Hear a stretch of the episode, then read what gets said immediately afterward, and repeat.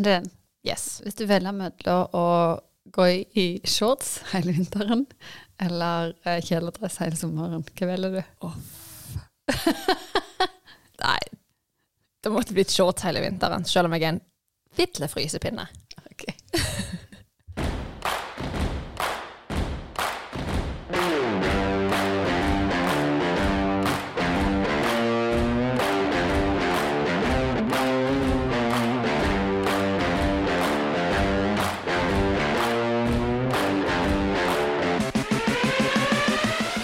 Hjertelig velkommen tilbake til episode to av På jobb. Vi skal snakke litt om eh, livet etter sommeren. For livet har jo hatt en slow motion-knapp i sommer, og denne knappen den skal vi snart skru av. Og da svirrer hamsterhjulet i gang. Og, men før hjulet spinnes i gang, så kan det være lurt å ha lagt en liten plan for veien videre. For høsten kommer fort, og det er mye vanskeligere å begynne å sette inn nye vaner når det begynner å bli mørkt og vi begynner å bli ekstra trøtte i trynet. Så derfor er denne seinsommeren her perfekt for å sette seg mål for å komme i gang med de vanene som er viktige for deg. Og det er noe av det vi skal snakke om i dag. Nemlig hvordan du kan kickstarte høsten. Så bra. Ja. Men før vi begynner der, da, hvordan har den siste uka vært? Eh, nei, vi er i gang med barnehageinnkjøring. Ja. Og det er jo Jeg syns nok at det er eh, litt godt. Føler han ettåringen er klar for barnehage. Vi er klar for hverdag. Og så er det jo å få inn nye rutiner og for å få ut begge ut dørene og komme seg på jobb mm. til rett tid. Og det her eh, Det er noen overganger, eh, og det tror jeg mange opplever i den tida som er nå. Det der er, det er en overgang. Om det bare er tilbake til den hverdagen som var før sommeren, så, så møter vi de overgangene med å gjerne justere litt i forhold til det. Mm. Men eh, jeg syns uh, jevnt over at det har vært fint. Mm. Som vi snakket om sist gang, jeg, eh, jeg liker hverdag. Jeg syns det er godt med rutine og, og det å komme litt i hakk. Eh, og så nyter jeg kanskje ekstra mye de der ettermiddagene og helgene. Det er litt sånn. ja. Og nå får vi litt sånn nice vær òg her på tampen, så Ja, det er det hjelper på, det. Ja, det er det, altså. Mm Ah, Og så merker du jo at folk blir De blir bare blidere av det. For dette Mm. vi går liksom og snakker om denne sommeren hele veien til Tyskland over. Eh, og så har det kanskje ikke vært så mye sommer heller. for vi forventer jo at du skal være Jeg mener faktisk at eh, Nå er det jo noen år siden jeg var barn, men eh, det var, det var noe annet da. Da var det jo sommer i mitt hode. Ja, ja, jeg òg tenker jo det. Men vi var veldig mye på Sørlandet da, så det er kanskje det som forklarer det. Dere var i, Lyngdal. I Lyngdal. Ja, trodde du skulle ta meg på den. Ja, du sa jo feil. Å, nå trodde jeg jeg sa det sånn som Du du sa du var svenske når du sa det. Vi sier jo Lyngdal, men Ja. du pleier å si Lyngdal. Lyngdal. Ja, og det er rett og slett Altså, sorry, kjære alle rogalendinger. Det heter Lyngdal. Og det er fordi det heter Lyng og en dal. Og jeg har bodd der i to år, og jeg hadde ganske mange lyngedøler til venner og har fått veldig påpeik for at alle rogalendinger sier det feil. Og det blir litt sånn så Hvis folk skulle kommet her og sier Varhaug, så hadde jo vi også syntes det var græleirriterende når alle kommer der. Varhaug? Ja, vi er på Varhaug. Bare sånn Det heter Varhaug. Så det er litt samme greiene. Så. Men er det egentlig det? For eh, hvordan vil du eh, Nå bør jo ikke jeg si det ordet, altså, da skal jeg se hvor god det er. Hva er det vi kaller for Nordlands eh, hovedstad? Ikke peiling. Jeg tror iallfall at det er Bodø. Å ja. Ja, men eh, hvordan tror du de sier det? Bodø. Ja. Ja. Men vi ligger jo ikke så Nei, men det er, det er dialektforandring. Ja, men det er ikke Lyngdal, er det, da? Nei, jeg vet ikke. Nei, ikke peiling. Det, men Jeg tror vi holder på Lyngdal. ja. Ja. Vi skal til Lyngdal. fin er den. Den. Vi vet iallfall hvor vi er hen når vi sier, om vi sier det ene eller det andre. Så det er fint, det. Men de uka, du har jo vært en tur i Lyngdal. Jeg har vært i Lyngdal, ja. Ja. Jeg var i helga. Mm. Kjærestetur, eller? Nei. Nei. Men uh, vi var Litt følte dere var litt sånn på par, greier. Ja, vi benytter alle muligheter vi får. Nei da. Nei, vi var med et vennepar, rett og slett. Ja. Så det var en uh, trebarnsfamilie, og så var det meg og Brynjar og hun eldste jenta vår. Så det var sånn avlastningshelg, så det føles ut som en sånn kjærestehelg, egentlig. Ja. Iallfall lave skuldre og mm, god stemning. Ja. Mm, veldig kjekt. Bra. Det, livet er fint i Lyngdal òg. Ja, men i sånn eh, ellers da, hvis vi skal gå i, i dybda, ikke jevna, men uh, I dybda. i sånn fra 1 til 10, hvor, uh, hva skala er du på i dag? I dag, Jeg har sovet dårlig i natt, så jeg kjenner jeg sa det rett før vi begynte. var sånn, altså Det er sjelden denne uka her, den her eh, Noco-avhengigheten som jeg har vært veldig flink på. Ikke drukket noen ting. Nei, og det er jo Unnskyld meg, men uh, jeg holdt jo på å lokke deg ut i uføre der. Du har jo lokk meg hver dag. Han står, det står jo en Noco i kjøleskapet, så du kjøpte til meg. Og det er visstnok favorittdrakkoen din òg. Ja, en av de. Jeg liker to stykker, og det var en av de. Så det var litt sånn drit. Så jeg går der i kjøleskapet, skal hente meg lunsj, og står han og skriker på meg. Men jeg kjenner Det, det kommer for noe godt. Ja. Jeg skal ned og holde meg glemt, og tenke sånn Å, det, det ligger jo rett eh, Jeg lar meg jo lure, selvfølgelig, når jeg står i butikken, av alt som ligger rundt eh, den disken. Mm. Eh, og så var det noe eh, som lå i disken på sida. Eller ja. Og så tenkte jeg ja, det liker jo Anne-Helen så godt. Så slengte jeg oppi en sånn, og så idet jeg gikk inn på jobb, så var det sånn Oi, shit, du er jo på avvenning. Ja, Ikke bra. så her har jeg fått uh, bryna meg på um, viljemuskelen. Mm. Viljemuskelen, Ja. Så, men, eh, men jeg Hvordan går det, da? Nei, det går fint. Mm. Men uh, som sagt, akkurat i dag sov vilt dårlig. Bare jeg bare føler jeg våkna hele natta og vært varm. eh, ja. Av og til er jo sånne netter. Så kjente før vi begynte å spille inn i dag, bare sånn åh. I dag er jeg litt tung i hodet, men uh, Men hva sier du til deg sjøl da for ikke Altså, jeg jo tok en sånn litt mjukere overgang i stedet for chips. ja. Så jeg funnet knekkebrødchips. Brød De er grelle gode, de. sånn fin krisp et eller annet Ja, med krydder. Med sånn barbecue. eh, Ja, ja. Jeg tror ikke det er sånn kjempemye bedre enn chips. Kanskje litt, litt mer fiber og Ganske mye mer fiber. Ja, det er det. Men uansett, du hører at det er likevel eh, eh, ikke helt eh, vannvognen i det. Nei, men noen ting kan du jo på en måte kanskje finne alternativ til, og sånn, men akkurat den der energidrikken, det er på en måte en koffeinavhengighet som bare må av. Og hvis du leser litt om koffeinavhengighet, så går det, det går litt tid før på en måte den der koffeinen er ute av kroppen. Cirka ei uke. Så det er ca. ei uke siden, så vi satser på at, at det ikke Men, men hjernen lurer oss, altså. Eller han lurer oss ikke, men hjernen er jo programmert til å på en måte skille ut ting for å gi deg, ja, få deg til å gjøre noen handlinger. Og hjernen min har jo lyst på koffein, så han skiller jo ut et eller annet sånn der cravings og vann i munnen får jeg når jeg ser den Noco-boksen. altså, sånn. Og det er ganske, når jeg begynner å bli litt obs på de tingene, det er ganske spesielt å se. Koffeinen den går jo relativt fort ut av kroppen. Altså en, Med en kaffekopp da, så er det en halveringstid som heter på åtte timer. Så det vil si, da er den helt ute av kroppen, den koffeinen. Ja, men det er ikke bare det- det handler om. Nei, det er jo ikke det. Nei. Jeg mener at det er jo noe med belønningssenter i hjernen der. At eh, du tenker jo i dag, spesielt når du er trøtt, at uh, du trenger noen Mm. fordi at du trenger en belønning. Og det har jeg gjort før. Og det er en vane som på en måte er indoktrinert i hjernen. At det, når du er trøtt, tar du noe. Og det har jeg gjort. Men uh, nå er det sånn Men, men så er det litt kosen. Jeg bare Sånn. Ah, god lyd. Ja, og så bare kjenner du å fy søren, det er mange gode følelser. Og det er jo det. Det er jo det det er når folk skal slutte seg med snus eller røyk. Eller mange sier jo det hvis de slutter med røyk, men på sommeren, og de kjenner røyklukta, så er det sånn åh, de får de gode følelsene fra ungdomstida. Når du satt liksom på stranda med kompisene eller venninnene og røykte, og bare Du får Hjernen husker de momentsene, og det er derfor du får lyst på en røyk. Det er ikke egentlig liksom kanskje røyken, men det er de gode Stemmer det. følelsene du hadde. Mm. Ja ja, Guriland, jeg har vært festrøyker, så jeg vet jo Jeg syns jo det var så trivelig. For du gikk jo alltid ut med folk da. Eh, og det var noe sånn Du ble bedre kjent, for hvis du er mange folk på fest, og så går du ut, eh, og så står det jo en annen gjeng der, eller en mindre gjeng, og så får du drøs med dem, kanskje flere ganger i løpet av en kveld. Mm. Så det er en ganske sånn sosial greie, eller du bonder litt, da. Mm. Ja. Jeg, du kan jo stå og fryse litt i lag med dem, det, det har jeg òg gjort i, i seinere tid. Ja, og det går an for seg venner uten å røyke. For jeg aldri røykt. Så. Tviler ikke på det. Men det, det Begynner å røyke for å få meg venner. Ja, men det er triks, det. Nei da. Men uh, det er nok det der gode ting til du assosierer med noe som du opplever som belønning, da. Ja. Det er vel det forskningen sier.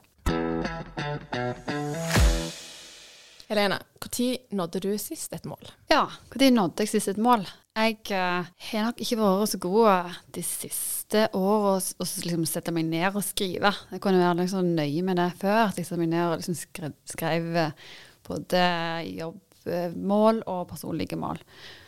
Uh, når jeg drev sjøl, så ble det veldig viktig for meg uh, å ha litt sånn konkret for at du skal leve av det, så, så må du forholde deg til tall òg. Ja, når du jobbet i Livskraft, eller når du drev firmaet sjøl, så var du jo vilt bevisste på dette. Ja, eh, og jeg tenker at det er en bra ting. Eh, ikke sånn at det høres ut som at du bare jager taler, men du må ha et bilde av hvor du vil være hen for mm. å kunne leve av det. Det er mye som er gildt å gjøre. Eh, for å igjen kunne leve av det at det skal være bærekraftig, så, så, må du vite hvor du skal. Mm. Men eh, På det personlige planet, da? På personlige plan skrev mye ned før. Eh, de siste åra Jeg føler jo at jeg har vært gravid i tre år, men eh, eh der har jeg hatt mer sånn tydelig for meg sjøl at det var viktig for meg f.eks. å trene. Mm. Eh, og det har jeg jo forstått på mange som er gravide, at det kan være utfordrende. Både for at du er trøtt, og du må gjøre ting på en helt annen måte. Du kan være litt redd for hva du kan gjøre. Så jeg lagde meg et så enkelt mål at uh, jeg lagde et antall for hvor mange ganger jeg skulle trene i uka. Ja. Uavhengig av form. Og så heter det 'lytt til kroppen din', og det gjorde jeg jo.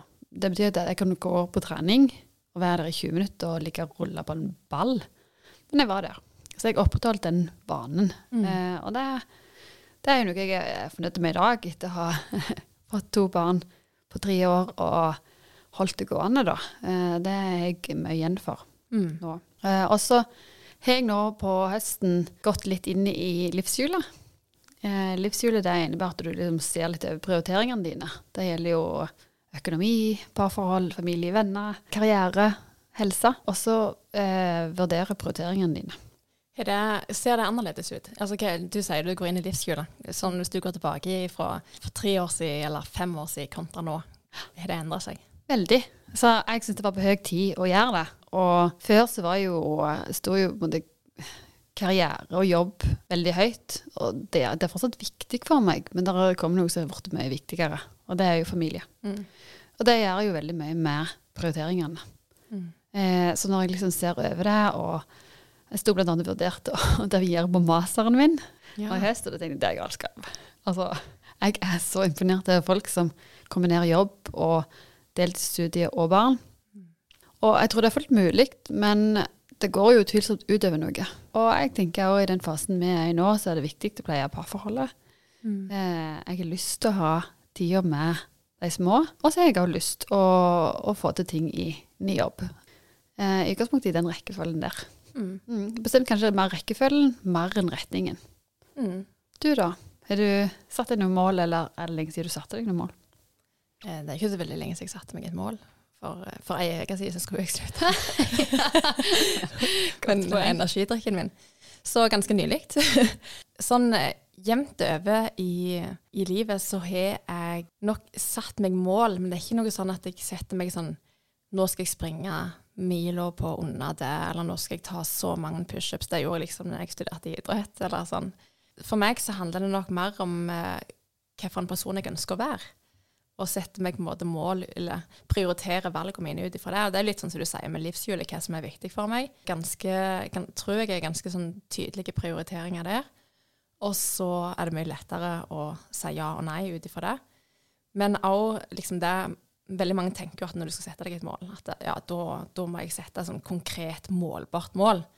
Men det er ikke alle som blir trigga av det på samme måten, og jeg er nok en av de. Iallfall når det gjelder typisk eh, trening da, eller andre ting, så blir jeg mer, eller jeg har mye mer fokus på OK, hva person ønsker jeg å være? Og det er litt sånn når du går eh, til et valg, da. du skal stortingsvalg. Så går vi inn i stemmeurnene, og så hiver vi i stemmen vår. Altså, den er veldig liten. Altså, egentlig så betyr egentlig ikke min stemme noen ting, kan du tenke. Men så er det jo summen av alle stemmer som gjør at liksom, OK, nå var det det partiet som ble sterkest. Det partiet får liksom eh, Du sier presidenten, men Ikke helt det. Statsministeren. kan være det i USA, da. Men, eh, eller andre land. Men uansett, de får eh, statsministeren, og så på en måte fordeles postene ut ifra det. Og det er litt sånn med, som personlig da, at OK, jeg tar små, små valg i løpet av hverdagen fordi at jeg ønsker å være en type person. Så for min del, jeg ønsker å være en person som trener regelmessig. Og det er veldig lett for meg å tenke at OK, i timeplanen, eller når vi er på ferie, så snakker vi meg og mannen i lag. OK, i dag, hvordan ser dagen ut? Når kan jeg ta meg ei økt? Det er kanskje de første tingene vi snakker om. Og så blir det sånn Når skal vi spise? Litt sånn praktiske ting. Men det sitter, det er så viktig. Og det er de små stemmesedlene som jeg hiver inn i stemmeurna mi, min personlige stemmeurne, bare for hvilken person jeg ønsker å være. Hvilke valg jeg, små valg jeg tar gjennom ukene, månedene, året, som definerer hvem jeg er til slutt. De valgene jeg tar for å nå det målet, det er på en måte noe som jeg føler sitter i ryggmargen på noen ting, og så noen ting må jeg jobbe mer med. Men handler ikke det om verdiene dine? Ja, absolutt. Det, det, altså, jeg tenker jo da at verdier, eh, og der er jo Det har jeg iallfall sett i rådgivning, at det, det, er veldig få som har et forhold til sånn Altså jo, jeg tror de aller fleste vet egentlig verdiene sine sånn når de begynner å grave. Men hvis jeg bare spør liksom rett ut hvor mange, eller så er de tre viktigste verdiene dine, så det er vanskelig for mange å sette ord på det, for de har jo ikke et bevisst forhold til det. Og det er kanskje litt det du nevner nå, at da, du gjør noen ting hver dag som er i tråd med dine verdier. Det blir jo mm. det som er viktigst for deg, for hvem du ønsker å være, da. Stemmer det. Så blir jo inni der så er det jo mål og verdier henger jo på mange måter sammen, men de kan jo av og til krasje òg. Mm. At det er noe som kan, du kan ha lyst til å oppnå, men så ser du at det går på bekostning av verdiene dine. Har du ja, opplevd det? Ja, det er jo typisk sånn hvis du Si jeg har hatt en livsstilskunde, da. Som er ute på veldig masse forskjellig. Det er foreninger, det er masse greier. Styremøte, det er kake på fredagene på kontoret. Så syns det er veldig vanskelig å ta gode valg for de hun ønsker å endre kostholds, kostholdsvanene sine, da. Mm. Og så har du lyst til å være sosiale, for det betyr enormt mye for deg. Men så er det i de sosiale settingene at kostholds, liksom, kostholdsvanene som du ønsker å etablere, blir utfordra. Veldig godt eksempel. Ja. Og, det, og, det, er jo sånne ting som vi kan kjenne litt igjen i. at liksom Av og til så må vi kanskje si nei til ting vi egentlig har lyst til å bli med på, fordi at familien kommer først. Nå har det vært lite tid til familie. Da sier vi nei. Vi, vi har lyst til å gå ut og reise, elsker å reise og oppleve. Men så må vi på en måte, ok, men vi må få tid i lag som kjærester. Da kan vi ikke bare fly på ting hver for oss. Så det blir sånn hele tida. Det er liksom, ok, dette, det er mange ting som er viktig for oss, men så er det sånn Nå har det sosiale fått mye fokus. Nå er det familie en periode. Der har vi vært litt nå. Vi har vært ute med masse folk, vært masse med folk i feriene, og har kjent liksom at ja, nå trenger, nå trenger meg og Brynjar tid i lag. Og så prioriterer vi at nå er det vi. Skal vi få litt kvalitetstid og ja, det er noe, noe dere sannsynligvis setter høyt da, i, mm. i, prioriteringene. Og når du har et bilde av prioriteringene dine, så har du jo et, et nokså sånn OK bilde av verdiene dine. Mm. Og så kan du fortsatt ha lyst å nå noe. Og det kan være treningsmål, det kan være en endring i forhold til helse, at du vil forbedre helse. Det kan være relatert til vekt, eller bare generelt å spise sunnere. Men så er du fortsatt en sosial person. Mm. Og du har ikke lyst til å velge vekk de sosiale tingene, for det gjør at du ikke er lykkelig. Og så er det da å videre jobbe med hva jeg kan få til, fortsatt ta vare på helsa mi, men òg være sosiale. Mm. Så jeg mener at det, Selv om de krasjer, så er det viktigere med den forberedelsen på at jo, jeg skal fortsatt delta på det sosiale, men jeg tar ikke noen konkrete valg som gjør at det er i tråd med målet mitt om å oppnå en bedre helse. Det kan mm. være i form av at du har fått påvist høyt blodtrykk, eh, Eh, det kan være i forhold til vektendring. Det kan være at du generelt kjenner at du er i dårlig form mm. Eh, og har lyst til å forbedre den. Og gjerne òg da konkretisere hva er det eh, jeg har lyst til å kjenne om tre måneder i forhold til dette målet. Ja, og det er litt sånn som så vi snakket litt om sist gang, dette med hvit måned. som jeg hadde et bilde av. Jeg tror bare at jeg syns Jeg er enig i at det er jo i forhold til alkohol, men jeg bare tenker at når folk har gjort det, selvfølgelig bare de har gått all in, at det har vært hele pakka. Ja. ja men uh, det er litt sånn, sant, den sosiale greiene, da, det kan være litt utfordrende for noen. For det at liksom, ja, men jeg kan ikke bli med og så ikke drikke. Men sånn, ok, vet du hva, det er faktisk helt greit å si men jeg er en hvit måned. Og det er liksom godt, for det, det er et, måte, et konsept som veldig mange kjenner til. Og så blir det på en måte sosialt akseptert, så kan det fortsatt være sosiale. Så det er noe med å tåre å si ok, dette er viktig for meg nå, derfor prioriterer jeg disse valgene, men du må godta det. Og så er det sånn, ja, men det godtar jeg. Og så har vi lag for dem. Så jeg tror noen ganger at det kan, være, det kan være lurt å sette litt ord på de tingene som er viktige for deg til de rundt deg, sånn at de forstår litt hvorfor du tar noen valg som veldig mange kanskje ikke helt forstår utenfor, hvis ikke de vet det. Jeg er helt enig i at det er veldig lurt å være åpen rundt det. Men trenger du pakke det inn i en hvit måned, kan du ikke I mitt hode, da. Det er ikke bare det at hvis du skal gjøre det, og du skal gjøre det over tid, ikke bare en måned, så må du eie valget. Mm. Eh, at du er bare Nei, vet hva, jeg eh, ser at nå må jeg ta litt vare på helsa mi. så i dag må jeg stå over. Mm. Og når du gjør det mange ganger, så blir det jo ikke noe som Da, da aksepterer seg folk gjerne det. Mm. Ja, det er litt sånn alt etter hva, hva grunn en gjør det for. Men jeg tror jo at det, noen ganger så Uansett hva, måte, hva en velger å gjøre Hvis det er noen som f.eks. har drukket veldig mye alkohol hele sommeren, så tror jeg det kan være fornuftig å bare sånn OK, nå stopper jeg litt for det at det, for å luke den av. Litt sånn som meg med Nocoen. Jeg kunne kanskje tatt en boks i går, hadde sikkert ikke gjort noen ting. Men det er noe med å bare liksom OK, nå bare kjører jeg rene linjer, og så prøve å skape eh, at jeg ikke skal gå og kjenne på den cravingen hver gang jeg er trøtt. Ikke liksom jobbe seg litt gjennom de der trøblete følelsene for å klare å ta de gode valgene. Ja, og det er vel bra for kroppen òg. At en får eh, Ikke nødvendigvis nok, men i forhold til alkohol, så er det, med, det er et giftstoff. Eh, og at kroppen trives jo best uten. Eh, nei, det er mange måter å gjøre det på. Så jeg tror jo egentlig bare at hvis du vil gjøre noen endringer, eller komme tilbake til hverdagen, det å kanskje først sette seg ned og se på prioriteringene. Mm, ta livshjulet, da, som du nevnte. Eh, litt konkret, kan ikke du gjenta? Hva er det liksom, hva, hva for noen type tema inneholder livshjulet? Bare sånn at folk kan trekke ut ok, hva er viktig for meg? Ja, livshjulet, da er det jo eh, familie, venner. Mm. Eh, det er personlig utvikling, jobb, karriere, helse, økonomi. Eh, det er vel det jeg kommer på som det dekker veldig store ting òg. Ja, materielle gode er ja. vel også en av de. Men uh, jeg tenker at det, det med å til en viss grad rangere, så kan det jo òg være noen av de områdene som du eh, syns ikke er bra, eh, som du ønsker å forbedre. Det kan være at du er noen negative relasjoner i nær familie som påvirker deg. Og hvis de påvirker såpass at det er noe du vil ha et mål om å ta tak i, ha en plan på det, så er jo det en plass å starte. Mm. Det er ikke sånn at vi jevnlig må være i endring, men jeg tror det er lurt å ha et bevisst forhold til valget vi tar, og at uh, hvis du setter deg i en båt og har ønske om en destinasjon, så kan det være lurt å, å ta opp kompasset mm. eh, for å, å, nå det. Du kan jo fortsatt uh, suse av gårde litt i den båten og komme der, men det går litt fortere når du har en plan. Ja, Altså, så planen blir på en måte peilinga på kompasset. Det er liksom OK, jeg peiler den veien der, båten skal den retningen, da kommer du der fortere. Og det kan jo være greit å tenke at ja, vi må jo ikke alltid være i endring, men eh, hvis du kjenner at skoen trykker en plass, så kan jo målsetting være en veldig lure, lure greie, da. Og mål er jo et uh, viktig middel til motivasjon. Jeg mm. opplever at mange kommer, kommer tilbake etter sommeren og bare åh, ja, jeg eh, Kanskje var de motiverte, da. Eh, altså det er opprettholde motivasjon. Og å opprettholde motivasjon den kommer jo ofte av at du har et klart mål, en plass du vil. Mm. For vi kommer liksom godt i gang. Jeg, helt ærlig så, så syns jeg jo at jeg har vært helt ræva på å oppnå ganske mye personlige mål, iallfall relatert til trening. Og de har ikke vært viktige nok for meg. Så det med å ta med livshjulet, vurdere hva som er viktig for deg, og videre da kanskje unngå de målene som ikke er viktige.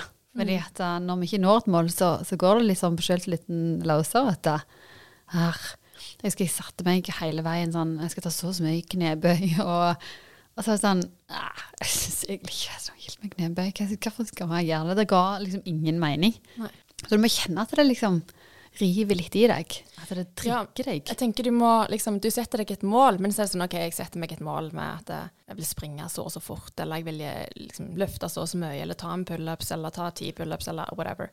Og så liksom, men, men hvorfor? Stiller seg det spørsmålet, og så går Ja, for jeg ønsker vi skal ha sterkere, men hvorfor ønsker du å bli sterkere?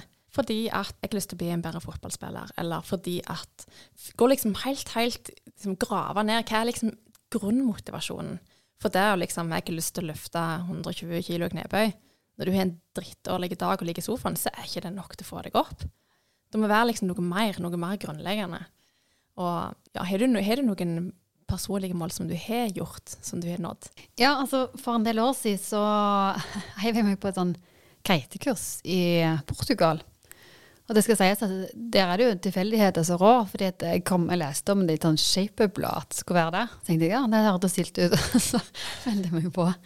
Jeg reiste ned til Portugal, og jeg fikk nå den geiten opp i lufta og fikk sopt litt rundt i det vannet. Jeg var på ingen måte talent. Jeg var nok eh, kanskje den verste eleven der nede, for han læreren spurte om jeg kunne ta to timer pause. For han var så sliten av å hente meg opp av det vannet. Og så tenkte jeg nei, søren, dette her skal jeg faktisk lære meg. Så jeg kjøpte, kjøpte full pakke utstyr, og det, det er ganske dyrt. Mhm. Det er men da er tenker jeg, da, for, da forplikter jeg eh, meg sjøl til å gjøre dette. Mm. Og gud, jeg har sopt de jærstrendene for å få til den geitinga.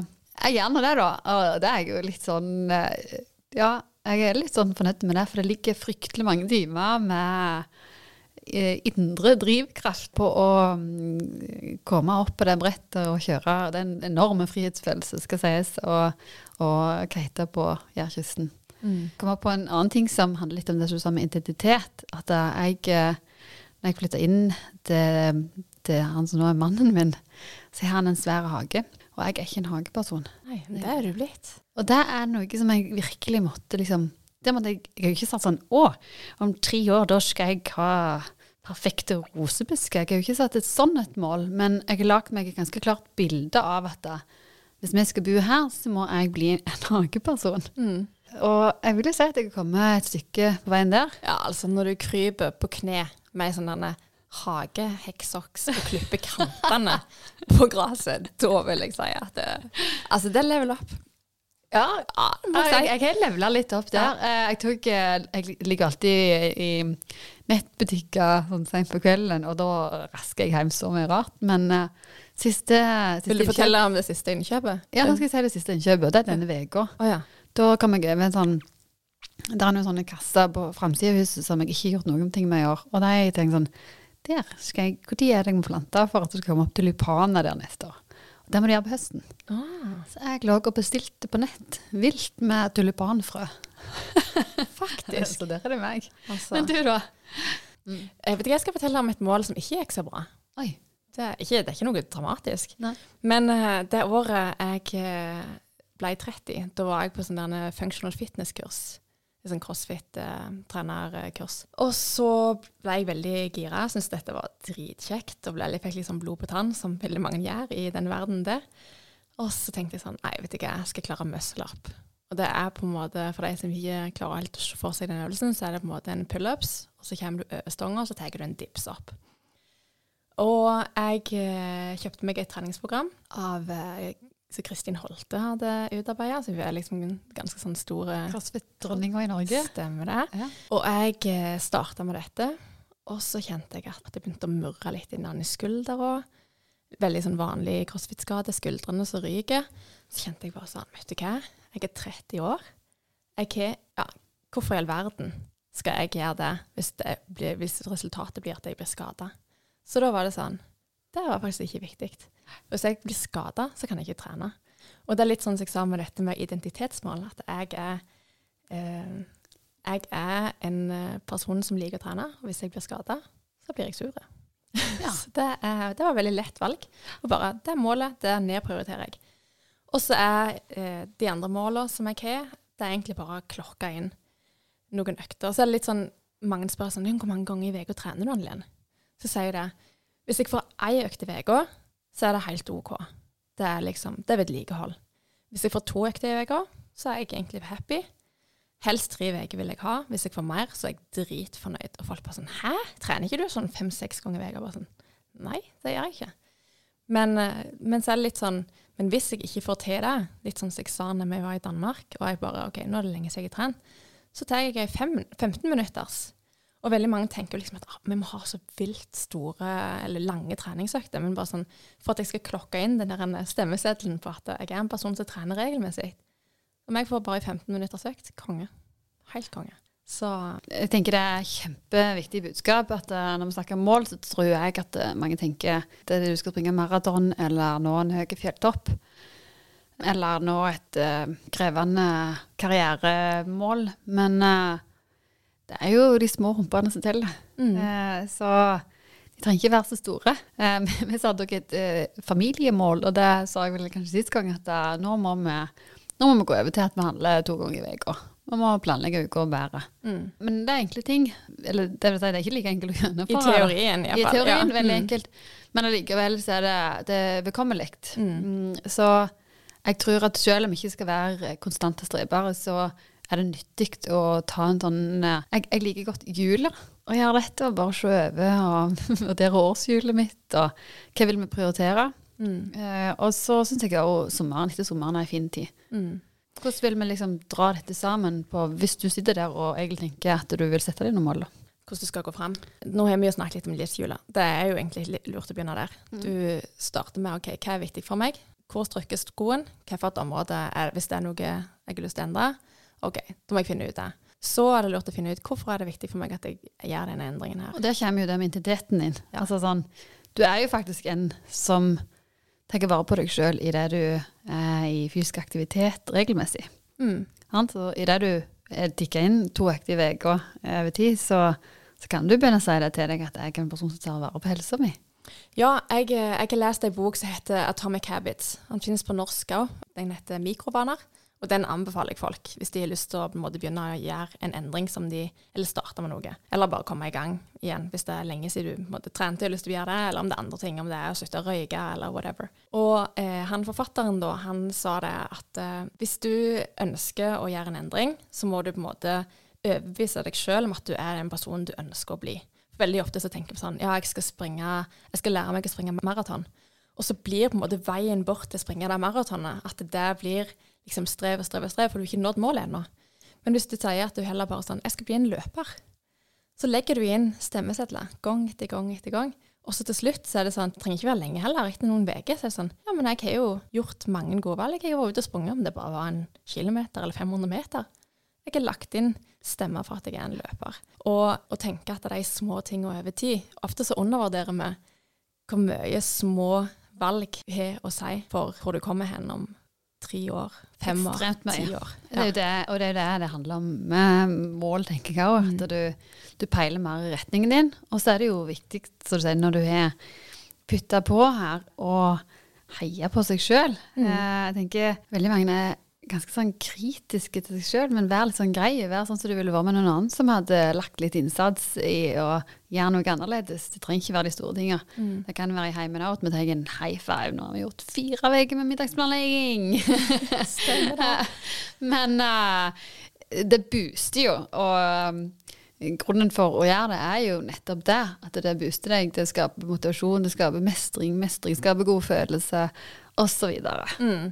Og så er det jo noen som blir enormt trigga av å sette seg konkret mål. Noen er jo sånn som bare sånn Jeg skal springe Vahagmila neste år på under 45 minutter. Helt konge hvis de gjør det. Hvis det er målet. Kjør på hvis du blir vilt motivert av det. Men legg en plan for etterpå. For hvis du når det målet neste år, springer den i juni, så er det veldig fort gjort å bare sånn Men jeg nådde målet mitt. Hvor er motivasjonen nå? Bare sånn hvis du da bare sånn Ja, men vet du hva, jeg har lyst til å opprettholde. Dette har jeg funnet glede i. Jeg har funnet glede underveis i det å springe. Dette gir meg noe. Og så kan du fortsette. Så liksom ikke bare være sånn, ikke være resultatorienterte. Ikke bare liksom at jeg skal ha, nå det målet, og så når jeg har nådd det, så er jeg happy. Men tenke på reisen kan være veldig bra. Men også tenke at OK, hvis du ikke blir trigga av det, så kan du tenke hvem ønsker jeg å være. Ja. Ja. Men også, eh, kanskje i noen mål kan jo være motiverende i sånn måte fordi at det er en tidsbegrensning. At du må vite at dette skal jeg gjøre i tre måneder, og så skal jeg ta en evaluering.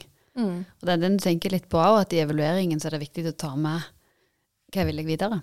Ja, og lurt å ta den evalueringa. Mm. For det er jo ofte at det sånn, du når målet, så, bare, så går det ut i ingenting. Ja.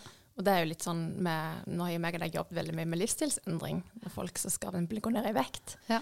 Og så etter ett år så har de nådd målet sitt. Jeg gikk ned ti kilo. Og så på en måte, da er de happy, så slipper de opp igjen, og så går de sakte, men sikkert til gamle vaner. Og så innen kanskje et halvt år så er du tilbake inn til der du var. Så det er å tenke at liksom Gjør ting som funker over tid. Hvis det er noe du Og vet liker. hvorfor du gjør det. er det er viktig for deg. Mm. Vi rapper det opp litt til slutt. Så er det jo det at dere har sikkert gjort dere noen tanker om dette med verdier. Noen har som sagt kjempeklare bilder av det. Og så har du noen mål, har du noen tanker, er ting som, som trigger deg, som du brenner for, så er det den der gode planen. Gode forberedelser. Men ikke bo i dem. Mm. Og Og- komme deg videre. Komme deg videre. Mm. Ta med deg den gode planen din, og hopp i det. Gå i gang, helst i morgen.